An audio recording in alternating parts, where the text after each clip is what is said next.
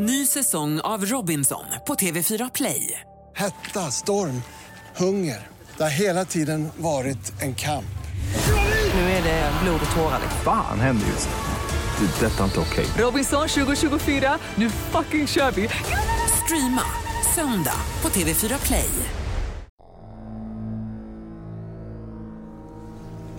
Men frågan är så här. Är det en man som sitter där? Var det han som följde efter makarna Palme den här kvällen? Jo, det, jag, jag är säker. Är han den man du såg i hörnet av eh, Tunnelgatan, Sveavägen den kvällen? Lisbeth Palme, ja. Jag är säker. Det är juni 1989. Stockholms tingsrätt på Kungsholmen i Stockholm.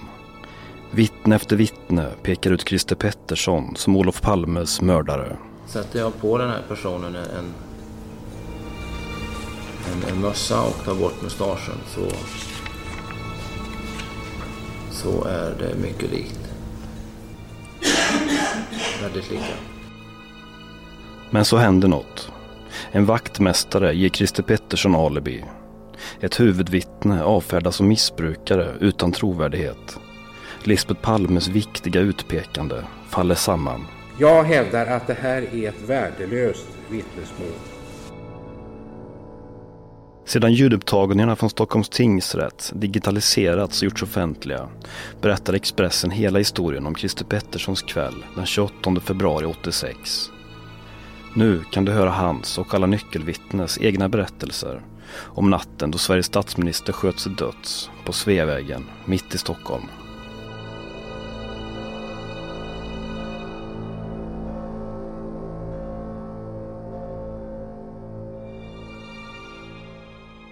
Kvällen börjar i Rotebro utanför Stockholm. Christer Pettersson och en bekant är på jakt efter amfetamin. Pettersson ger sig av mot stan. Här är åklagaren Anders Helin som frågar ut Pettersson. Och ditt ärende i Stockholm, vad var det? Det som har framkommit här att det var att införskaffa amfetamin.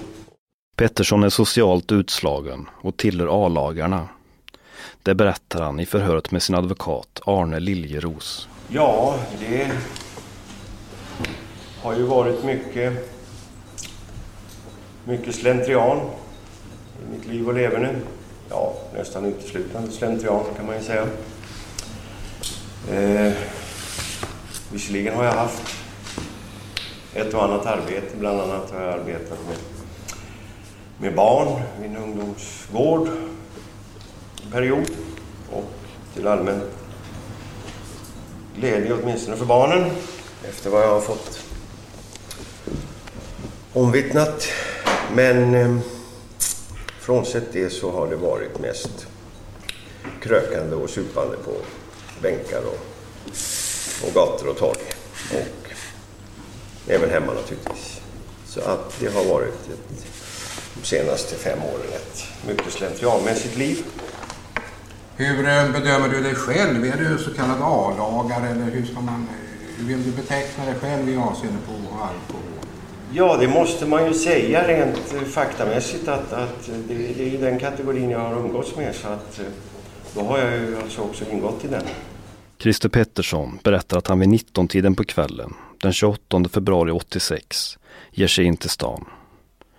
Suget efter amfetamin gör att han åker till spelklubben Oxen för att möta knarkhandlaren Sigge Cedergren. Och vi hälsar på varandra. Och jag frågar honom lite diskret om han har något amfetamin. Och jag kan inte påminna mig om han bad mig vänta för att åka och hämta eller om han skulle gå ut i bilen och hämta eller om han rent av hade det på sig. Eh, och gav mig det omedelbart. Men eh, i alla fall så eh, fick jag amfetamin av honom. Sigge Cedergren förhörs i rätten av åklagaren Jörgen Almblad och bekräftar då besöket på en spelklubb i närheten av Hötorget i Stockholm. Kan du komma ihåg några av de eh, gäster som fanns på Oxen den här kvällen?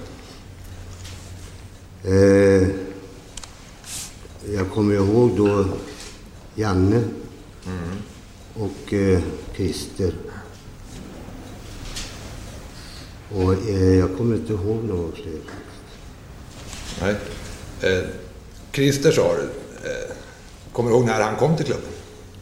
Eh, exakt tid vet jag inte, men eh, det var ju då på kvällen. Eh, och eh, klockan, vad klockan kan vara exakt, det kan jag inte säga. Nej. Vad skulle Christer göra där? Brukar han spela kort? Eh, det var väl inte så mycket kortspel där. Nej. Utan det var ju mest eh, spel på maskinen. Mm. Brukade Christer spela på sådana? Eh, nej, det gjorde han inte. Nej. Vad var hans ärende på Oxen den här kvällen då? Det var väl att eh, träffa mig och eh, få lite amfetamin. Christer dröjer sig kvar på spelklubben Oxen. Någon tar fram två flaskor sprit, berättar Christer för åklagaren. Det är mycket drack då. Ja, jag har ju uppgett eh, att inallusen 50 centiliter. Det är möjligt att du har gjort, men är det riktigt då? Ja. Det, det är så du minns det? Ja, det var ett eh, antal eh, starka groggar alltså i ja, rejäla glas. Eller Eller därför du somnade, glas. var det därför du somnade på tåget då? Ja, det utgår jag ifrån. Christer Petterssons version är att han går från klubben Oxen vid 22.30 och lämnar då centrala Stockholm med ett pendeltåg. Tåget går 22.45. Därmed skulle han då inte varit på plats när mordet sker 20 över 11. Christer säger att han somnar på tåget och vaknar på slutstationen. Jag vaknade i Märsta och att eh, jag gick ut på perrongen och satt på en trebänk där en stund och rökte en cigarett och väntade för att det är alltså vändande tåg. Det är samma tåg som åker tillbaka. Och jag åkte också tillbaka med samma tåg och kom då till, till eh, Rotebro. Eh, allra senast, ja, någon minut, fem i tolv alltså. Ja. När fick du reda på att Palme var död? Ja, vid cirka nio tiden på morgonen. Och hur? Genom att jag såg rubriken till min bestörtning gick jag ut vid, till brevlådan och ser, alltså jag tar Dagens Nyheter i, i handen och ser Palme mördad. Och jag tänker, herregud, tänker jag. Går in, sätter mig vid köksbordet och blir mycket ledsen. Ja. Christer säger också att han är socialdemokrat och anhängare av Olof Palme. ja, jag har alltid röstat socialdemokratiskt ända sedan jag gick med mina föräldrar till vallokalen i Hagalunds skola för första gången. Ja, jag vet inte om det finns några vittnesuppgifter eller förhörsuppgifter på det, men jag har personligen uttryckt mig på det viset eh, vid flera tillfällen till den som har velat höra på att jag har beskrivit Olof Palme som vår enda statsman.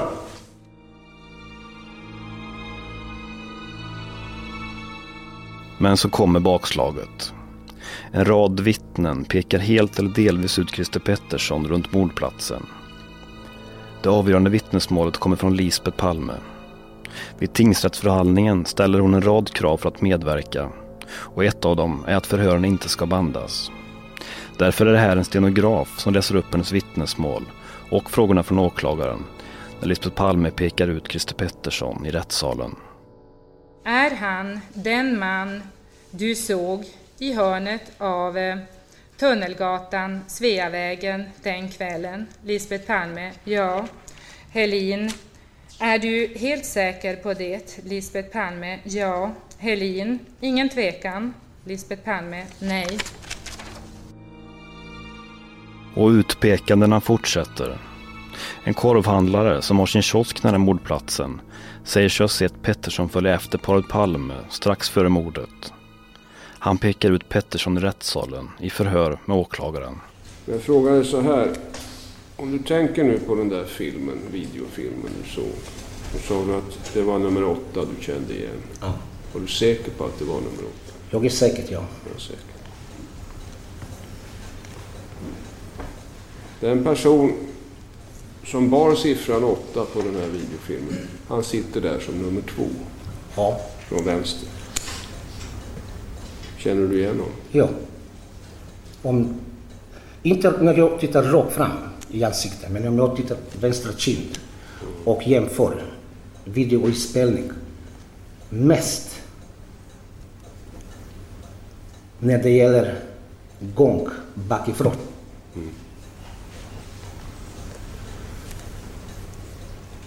Men frågar dig så här. Är det en man som sitter där? Var det han som följde efter makarna Palme den här kvällen? Jo, det, jag, jag är säker. Du är säker på det? Jo. Jag säger om jag jämför hans gång och hans vänstra kind. Som du såg på videofilmen? En kvinnlig konstnär såg en man utanför biografen Grand som hon tror kan vara Christer Pettersson som stod och väntade på paret Palme. Åklagaren Anders Helin refererar här till en konfrontationsvideo där konstnären tidigare pekat ut Pettersson. Han som hade nummer åtta på den där filmen, han sitter här som nummer två vid det bordet mitt emot mig. Du tar en titt på honom nu. Mm. Har du några kommentarer då? Kan det vara den person du såg utanför Grand?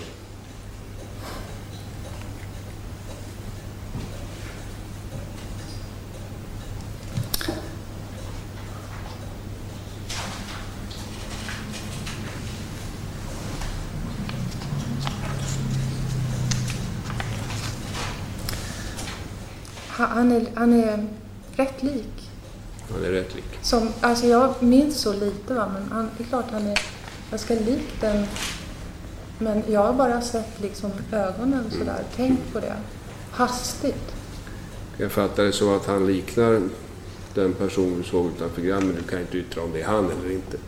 Ja, Är det riktigt uppfattat? ja. En 25-årig flygledare satt i sin bil utanför bion och väntade på sina föräldrar som var på samma bioföreställning som paret Palme. Utanför bion såg han en person stå och vänta. Men jag ser då en mansperson till höger om entrén som gör att jag direkt får någon sorts olustkänsla. Ehm. Så att jag, jag hajar till där att eh, vad är detta? Så, vad är det för person som står här? För det var ganska kallt som sagt var. Jag undrade, jag satt och tänkte vet jag, eh, jag undrar vad den där personen står där för. Eh, kanske han väntar på någon som är inne på bion. Jaha, det var ju låst där så att det är därför han inte går in då. Och det som har så att säga etsat sig fast då i mig är eh, blicken från den här personen. Eh, och våra blickar möttes väl några gånger. Och sen eh, fick jag för mig då att eh, det är nog bäst att ta det lite försiktigt här. Eh, Man vet aldrig vad, vad som kan hända. Det var någon sorts känsla jag fick där. Så att, eh, I rättegångssalen pekar flygledaren sen delvis ut Pettersson som mannen utanför bion som kan ha stått och väntat på Palme. Är han lik den person du såg utanför Grand där på kvällen? Ja, jag försöker ta bort eh, mustaschen här. Jag försöker också... Jag har alltså inget minne, minne av något mörkt hår eh, som jag har sett på någon. Jag har minnet av någon, någon sorts eh, mössliknande. Va? Och eh, sätter jag på den här personen en, en, en mössa och tar bort mustaschen så så är det mycket likt. Väldigt lika. Det är mycket likt sig. Ja.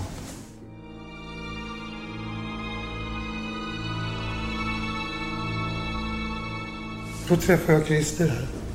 Då står han utanför grannbiografen.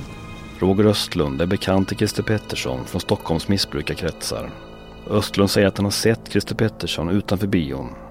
Han ska också ha sett honom gå i riktning mot mordplatsen strax före mordet. Östlund ska vid mötet med Christer ha stått vid en telefonautomat strax innanför ytterdörrarna på biografen. Och i, i det skeendet, så när jag står där och ska börja ringa, då träffar jag Christer här. Då, står han utanför grannbiografen. Och då lutar jag mig fram liksom, eller tar ett steg, för det är bara en meter ifrån dörrarna telefonen. Okej, vi, vi, är väl inte, vi har varit goda vänner och sådär. Direkt ovänner har vi inte varit, men det hade hänt en episod 85 innan så här. Men jag ville i alla fall prata med honom. Om vad, det visste jag inte. Men han... Eh, om han säger någonting, jag kan inte uppfatta det. Jag öppnade dörren lite grann. Då. Jag ville att han skulle komma in eller vi skulle öppna en dialog där. Så då, då gör han någonting avvisande i alla fall. Så han, jag fick uppfattningen att han var inte intresserad av mig. Och eh, såg... Eh, ja, då fick jag det här i tankarna i alla fall att det inte stod rätt till mellan oss två sen sist. Så det var inte mycket mer. Då gick han emot eh, kiosken på, ja, på Sveavägen då, mot kyrkan. Där. Är du absolut säker på, Roger, att du träffade Christer? Ja, jag är absolut säker. Det ser nu mörkt ut för Christer Pettersson. Helt eller delvis utpekad av flera vittnen. Tillsammans ger de en bild av en mördare som följer efter statsministern från bion och sen kallblodigt mördar honom i hörnet av Sveavägen och Tunnelgatan. Ändå börjar åtalet sakta falla samman. Det börjar med en vaktmästare från norra Sverige som väl känner till Christer Pettersson till utseendet. Han har tidigare bott nära Christer Pettersson i Rotebro. Vaktmästaren ger Pettersson alibi och bekräftar Petterssons egen version att han hade somnat på tåget och satt vid slutstationen i Märsta vid tiden för mordet. Ja, jag går in och visar kort i spärren. Och på väg ut så fick jag, fick jag se en som satt där. Och jag reagerade på en gång, det var Christer Pettersson. Han satt på en bänk, framåtlutad så här. Och titta ömsom dit och rätt ner. I hovrätten ska också ytterligare en man ge alibi till Christer Pettersson och styrka att han var på pendeltåget vid mordet. Båda dessa alibivittnen ifrågasätts starkt av åklagarna. Men samtidigt kommer fler och fler uppgifter som talar emot berättelsen från en av åklagarnas vittnen. Roger Östlund, missbrukaren som påstår att han sett Pettersson utanför Grand och att han gick mot mordplatsen strax före mordet. Flera vittnesuppgifter tyder på att tidpunkten då han skulle sett Pettersson gå mot mordplatsen var först efter att mordet hade skett, klockan 23.21. Av eh, flickans uppgifter, hon som steg på bussen som skulle gå eh, 23 och 28. Av eh, biografvaktmästarens uppgifter. Av flygledaren som satt i bilen. Av hans uppgifter. Av Östlunds egna uppgifter så framgår att Östlund inte kan ha ringt från Grand förrän efter 23.30. Troligen 23.40. Jag hävdar att det här är ett värdelöst vittnesmål. Men det stora bakslaget för åklagarna kommer när fler och fler detaljer om Lisbeth Palmes vittnesmål avslöjas. Vid konfrontationen har hon i förväg fått veta att den misstänkte är alkoholist och pekar då ut nummer åtta, som är Christer Pettersson. Advokaten siktar in sig på en rad fel under konfrontationen. I vart fall så framgår det ju utav den här promemorian, eh, sidan 35 i huvudprotokollet, avseende den 14 i 12 som ju inte är upprättad för den 26 januari 1989. Att fru Palme säger att det ser man vem som är alkoholist och det är nummer 8. Men det är inte bara det säger hon. Det är, först talar han om alkoholism, men det är nummer 8. Och eh, i sammanhanget så säger jag då att den här konfrontationsgruppen var inte bra. Christer Pettersson har ett avvikande utseende från de övriga 11 personerna. Och det är tveksamheterna kring Lisbeth Palmes utpekande och polisens misstag i utredningen som till slut blir avgörande. Christer Pettersson fälls i Stockholms tingsrätt den 27 juli 89. Men det är en oenig domstol och många är inte överraskade när Pettersson senare frias i hovrätten och de hänvisar till flera extremt grova misstag i polisens arbete.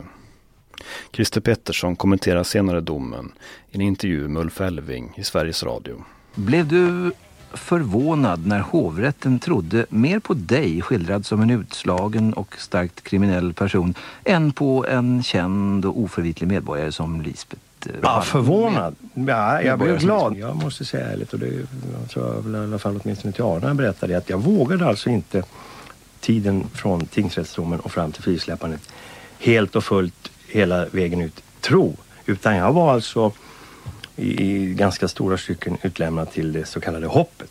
I en SVT-intervju med Lars Adaktusson några år senare avslöjar Pettersson att han var redo att strunta i överklagande och ta sitt straff. Allt som en markering mot Lisbeth Palme. Pettersson berättar om ett samtal i häktet med advokaten Arne Liljeros direkt efter första domen om livstidsfängelse. Vi, klar, vi överklagade väl, sa Liljeros. Han studsade eh, när vi talade mellan fyra, med varandra mellan fyra ögon i häktet. Det är inte alls säkert, sa jag. Jag var så trött på hela balletten om man skulle använda det ordet. Jag har nyss vunnit min själ, sa jag. Och om inte Lisbeth Palme har förlorat sin så är hon på god väg att göra det. Ja men vad fasen, sa han. Eh, ska du sitta där som en martyr då? då? Martyr, jag, det var väl också en jävla fråga. Det var ju... martyr, jag har väl aldrig sett mig som en martyr. Nej, nej, ja, men klaga då. Så att det var nästan eh, så att jag ren ilska hade låtit bli att överklaga. Alltså. Du hade varit beredd att ta på dig straffet? Ja, rakt av. Christer Pettersson är en fri man. Men han slipper inte undan. Hans liv blir en mediacirkus som fortsätter kretsa kring mordet. Han dras ner allt djupare i missbruk. 1998 medverkar han aggressiv och påverkad i en TV3-dokumentär med radio och tv-profilen Gert Fylking. Jag orkar inte svara två gånger på allting. Vad beror det på? Vad beror det på? Det är Baker behöver inte ta på krafterna. Misantrop, det betyder människohatare. Filantrop betyder människoälskare. Pettersson medverkar också i ett TV3-program med Robert Aschberg. Där blir han utfrågad av Leif GW Persson och advokaterna Leif Silbersky och Claes Borgström. Christer reagerar starkt när Silbersky ifrågasätter hans historia om mordkvällen. Ditt alibi är ju hundraprocentigt spräckt. Varför ljög du om detta? Inspelningen slut. Lägg av. Du, snacka inte skit hörru. Nej men Christer, frågan är... Sätt sätt dig, vi går vidare. Du, kan jag få Vad fan, är du någon polis eller vad är det med? Nej, vänta Christer. Det här är kört. Christer, vänta. Det är kört säger jag. Christer, vänta. Jag, Det är kört. Låt mig tala om för dig följande. Jag tycker det är helt Sluta med den där jävla liksom provocerande tonen mot mig vet du. Kom inte med en sån jävla provocerande och aggressiv ton mot mig vet du. Christer, jag tycker det är helt riktigt att... Passa dig jävligt noga. Men återigen, varför lämnar du inte allt det här bakom dig? Om du är oskyldig. Men Sluta det hörni. Christer, ska vi prata en stund? Knulla bara ner så kan Hans jävla automatbög. Fy fan alltså. Jag hörde, du hörde på tonen alltså. Va? De utgår från att jag är skyldig. Jag är så trött på det.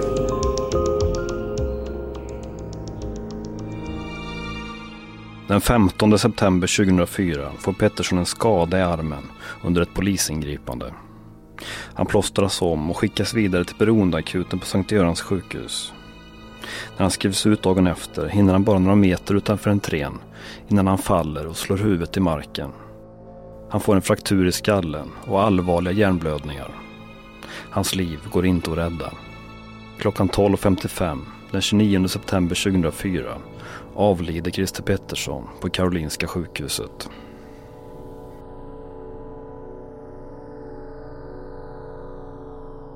Du har lyssnat på en podcast från Expressen. Ansvarig utgivare är Thomas Mattsson. Fler poddar hittar du på expressen.se podcast och på iTunes. Ny säsong av Robinson på TV4 Play.